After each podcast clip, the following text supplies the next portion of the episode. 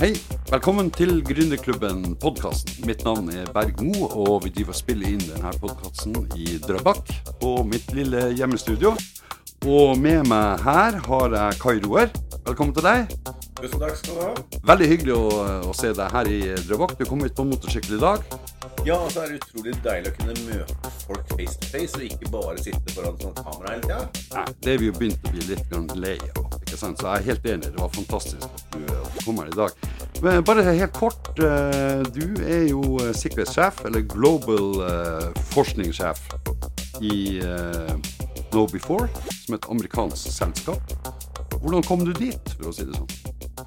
Ja, Hvordan kom jeg dit? Det begynte jo eh, for mange år siden eh, med at jeg etablerte et sikkerhetsselskap i Norge. Det het eh, Culture. Og vi eh, bestemte oss for at vi skulle revolusjonere sikkerhetsbransjen. Og det var jo da noen amerikanere som syntes var veldig kult og morsomt og imponerende, så i 2019 så ga de oss et tilbud som det var veldig vanskelig å si nei til.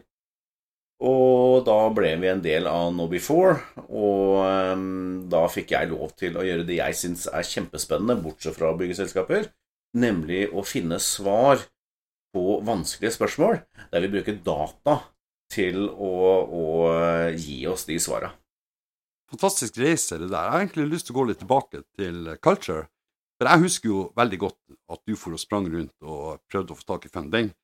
Og det virka ikke som om det var veldig enkelt. Jeg tror også vi var på en tur i Tallinn og prøvde å friste noen investorer der. Jeg vet at du jobba egentlig over flere år med å bygge selskapet, men parallelt hadde du runder i forhold til funding. Fortell litt om det. altså Den reisa der, hvordan, hvordan var det? Å være ute, ute i markedet og hente kapital? Jeg vil vel si at uh, det var veldig lærerikt. Uh, heldigvis da så hadde jeg mentorer som deg, blant annet. Og jeg fikk jo lov til å bruke Sideforum, blant annet, uh, til en del av disse tingene. Men utfordringen tror jeg det er at vi skulle lage noe helt nytt. Noe som ikke fantes fra før av.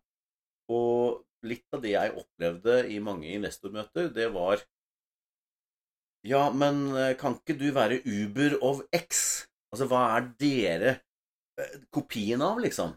For det skjønte investorene noe av. Men, men vi var ikke en eh, kopi av Uber eller Airbnb eller noe. Vi var noe helt nytt. Og, og da ble det vanskelig for investorer å forstå hvorfor de skulle gå inn med risikokapital.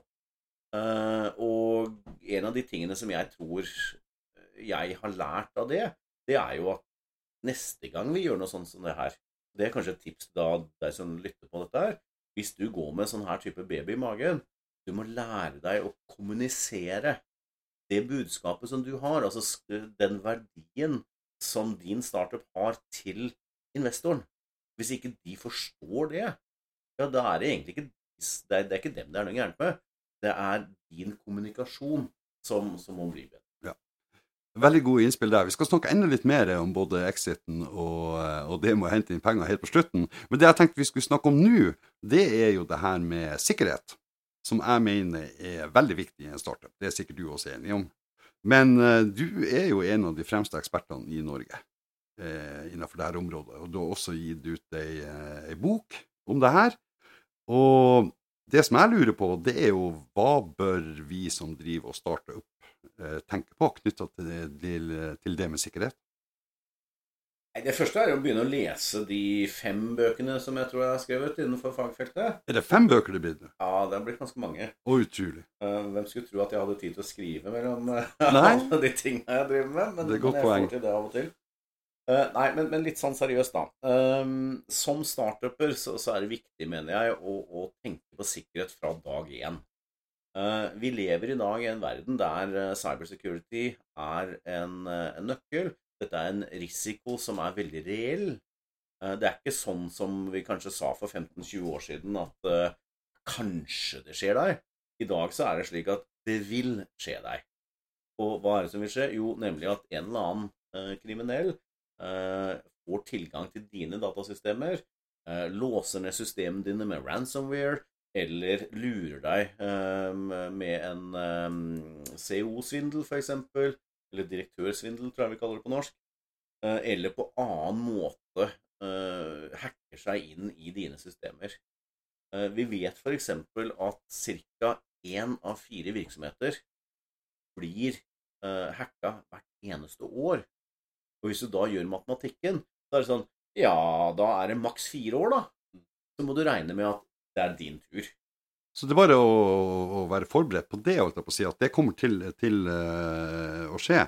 Men, men, hva tenker du er de viktigste tingene man, man, kan gjøre da i en tidlig fase? Og jeg tenker at det er veldig fristende egentlig å bruke alle ressursene på produktutvikling, og kanskje litt markedsføring og bygge litt team. Men liksom, og kanskje veldig mange glemmer det sikkerhetsaspektet. Har du noen gode tips der? Altså, det første er jo å huske at sikkerhet i dag må være en del av det. Eh, det er jo helt riktig som du sier, vi ser jo dette veldig ofte. Eh, man bygger et produkt, og produktet er man forelska i, og det er kjempekult når man er ute og selger det.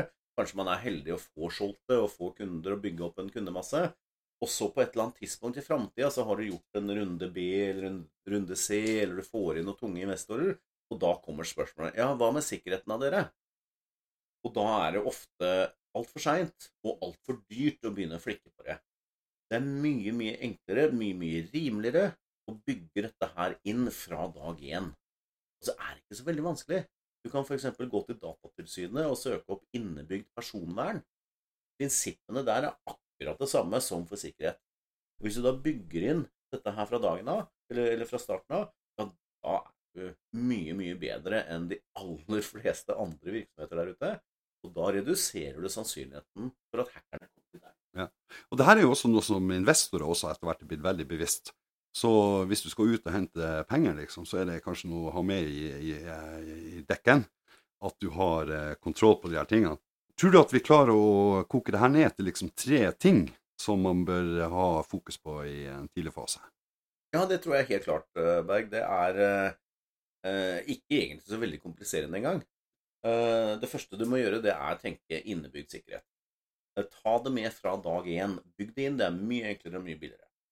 Det andre er husk at det er bare et spørsmål om tid. De kommer og tar deg. Det betyr at du må være klar til det skjer. Du må vite hva skal jeg gjøre, hva skal virksomheten min gjøre, hvordan håndterer vi et sikkerhetsbrudd? For det kommer til å skje. Og, og, hvordan vi håndterer det, jo, det handler også om de ansatte. Alle må vite hva skjer når jeg trykker på den lenken eller gjør noe gærent. Eh, og da er vi inne på det tredje punktet, nemlig kulturen i virksomheten. Hva er lov hos deg? Er det slik at eh, når en ansatt klikker på en phishing-lenk og deler, eh, deler påloggingsdetaljer, er det slik at de tør å si ifra? Eller er det slik at hos dere så er det sånn Nei, de later som ikke det skjedde i det hele tatt. For Hvis det er det siste, ja, da vil du virkelig gjøre noe med det. Det du ønsker, er ansatte som tør å si ifra. Fordi det er bare et spørsmål om tid før en eller annen gjør et eller annet feil. Og da må de kunne vite hvor de melder ifra, eh, og gjerne få et klapp på skulderen når de melder ifra. Det, det er ikke det at de skal få en klapp på skulderen fordi de dreit seg ut, men fordi de meldte fra og gjorde det riktig. Jeg skjønner poenget der. Det, det her er veldig gode innspill. Altså. Jeg føler jo sjøl at jeg er veldig godt dekka.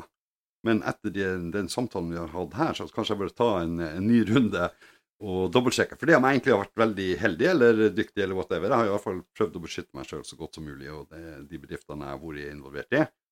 Men uh, det er klart jeg, jeg, jeg, sitter med den følelsen at hvis man kanskje gjør noe som er utrolig bra, at man får et navn der ute, et brand som begynner å bli kjent. Da øker kanskje eh, risikoen også, egentlig, tenker jeg. Hva, hva mener du? Eh, altså, Risikoen for at de får det til, går definitivt opp. Eh, det vi ser, er jo at du har to typer angrep. Det ene er det som vi alle blir utsatt for konstant hele tiden. Og da spiller det ikke noen rolle om du er helt nyoppretta, helt nystarta, eller om du er Norsk Hydro. Og det andre er det vi kaller targeted attacks, der de rett og slett går etter enkeltindivider eller enkelte virksomheter. Um, og, og, og, det er klart at jo mer kjent du blir, eh, ja, da er det klart at du kommer høyere opp på den target-listen. Uh, men, men, en ting som, som, som, jeg tror er veldig effektivt, da, det er jo å gjøre sånn som du f.eks. har gjort, og, og, som jeg gjorde med, med mine selskaper, nemlig å bruke en tung, god teknologileverandør Eh, og Der har du f.eks. Eh, både Microsoft og Google leverer jo teknologi på kommunikasjon her. Eh, og en av fordelene med det, det er jo at veldig mange av disse her type angrep kommer via e-postboksen din. Men Google, Microsoft og den type tjenester de filtrerer jo borti kanskje 99% av alle disse truslene før noen faktisk ser dem. Og, og, og det er en enorm fordel. Nei, så her er det vel egentlig bare å begynne internt, og begynne med dem som er i teamet ditt, egentlig, tenker jeg. Og ta en uh, runde knytta til det med sikkerhet, og kanskje bygge inn et DNA knytta til sikkerhet, og kanskje lage en sånn aksjonsliste, kanskje, på hva man uh, bør gjøre. Jeg tenker også at i denne siste boka di, som heter Security Culture Playbook, fantastisk flott navn, den tror jeg også er tilgjengelig rundt omkring i bokhandel og sånt, og ikke bare på Amazon og, og litt sånn. Ja, det bør i hvert fall være mulig å få bestilt den via en bokhandel i Norge. Eh, Ja. Flere av de andre bøkene er jo tilgjengelige der. Ja. Eh, Og denne boken er jo på Wiley, som er et av de største forlagene i verden, tror jeg. Ja. Så, så, så om ikke du finner den på bokhandelen i Norge, så ville jeg i hvert fall fått den til å bestille den. Nei, men da skal vi jo få gjort det. Altså, jeg må innrømme at jeg har ikke fått lest boka di ennå, av forskjellige årsaker. Den har jo ligget i innboksen min her og klar til å lese, men det har vært litt travelt.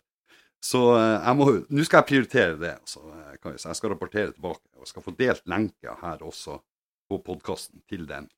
Så, eh, men OK, litt tilbake til, til Exit. Altså, nå har jo du ei stilling i et amerikansk selskap, men du opererer ut fra eh, Norge. Hvordan er den tilværelsen, for å si det sånn? Det er jo som, eh, som eh, Hegnar sa for noen år tilbake, når han pendla mellom USA og Norge. Eh, der borte så er han morgenmenneske, her så er man kveldsmenneske. Man strekker altså døgnet litt. Og, det er jo tidsforskjeller og sånne ting. Men utover det så er det ja, det er noen kulturelle forskjeller, da. I Norge så liker vi å på en måte dra på hytta i helgene, og når klokka er blitt fire, så er vi ferdig på jobben, og da setter man seg på motorsykkelen og finner på noe annet. Eh, I USA så har man litt andre forhold da, til, til arbeidstid og sånne ting. Uh, men, men utover det så er det jo fantastisk. Altså, vi startet jo selskapet i Norge uh, nummer én for å revolusjonere bransjen, og for nummer to forske på å finne svar på, på viktige spørsmål som f.eks. hvordan påvirker en virksomhet sikkerhetsatferden til de ansatte? Eh, og for å få til det, så, så mente vi at vi måtte ha gode måleverktøy og store datamengder. Ehm, når vi solgte selskapet i 2019, så hadde vi den største eh, datamengden eh, som noe selskap innenfor det fagfeltet hadde. Kjempefascinerende. Men det er ingenting i forhold til de datamengdene vi har som en del av et globalt sikkerhetskonsern. Eh, I dag så sitter vi med, med atferdsdata. Vi vet hvordan ansatte eh, håndterer sikkerhet. Eh, vi sitter på opplæringshistorikken din. Vi vet på en måte hva enkeltansatte eh, har fått av opplæring innenfor sikkerhet. Eh, vi sitter på kunnskapsmålinger. Eh, hvordan da enkeltansatte svarer på kunnskapsspørsmål. Og vi sitter på kulturdata, som sier noe om hvordan virksomheten håndterer sikkerhet sett fra den enkelte ansattes perspektiv. Eh, Dette er helt unikt. Og når man da ser på antall kunder som Nobifor har, jeg tror det siste offisielle tallet er 44 000 kunder, og da kunder, dette er virksomheter rundt i hele verden. Eh, Da kan du tenke deg at disse kundene til sammen har titalls millioner av ansatte. Det her er mye data. sinnssykt mye data, og, og, og det mener jo vi at det er kjempeviktig å studere for å finne ut hva som faktisk funker når vi skal trene opp de ansatte.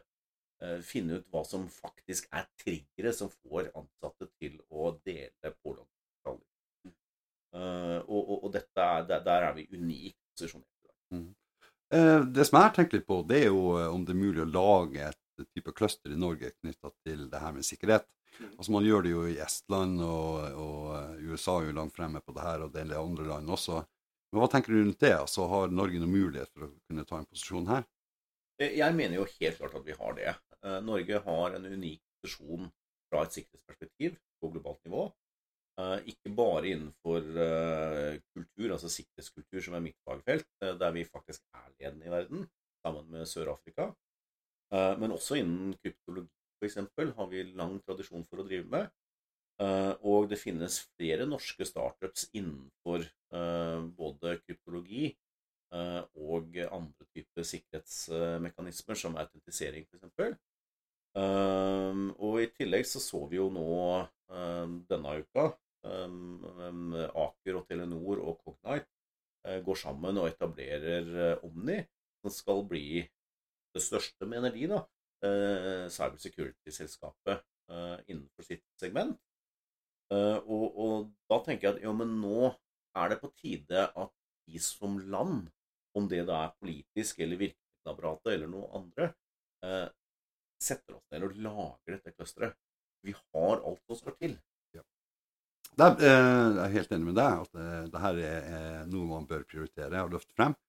Og uh, man har jo en del satsingsområder i dag, men det her er jo liksom hva skal jeg si, viktigere enn noen gang å ha fokus på, på sikkerhet med det man ser i verden, ikke minst rundt oss i Europa i dag, liksom. Eh, du har ikke noen ny startup i ermet, da? Eh, det kan jeg ikke kommentere, selvsagt. Nei, selvsagt ikke. Eh, men det vil jo ikke forundre meg om det kan komme noen initiativer fra deg tidligere. For det er jo mange gründere som har vært suksessfulle innenfor ett område, og gjør det en gang til innenfor samme område, har jo en tendens til å lykkes, og kanskje lykkes enda mer enn første gang. Så det blir veldig spennende å, å følge med. Så, men jeg tenker vi skal bare runde av nå syns det her var en veldig givende samtale. Jeg vil anbefale folk om å um, gå til bokhandelen eller å gå online og kjøpe boka di, 'Security Culture Playbook', og uh, spille litt med den, leke litt med den. Jobbe med de ansatte for å få inn uh, den kulturen rundt sikkerhet på et så tidlig stadium som overhodet mulig. Og at kanskje det med sikkerhet kan være en utløsende faktor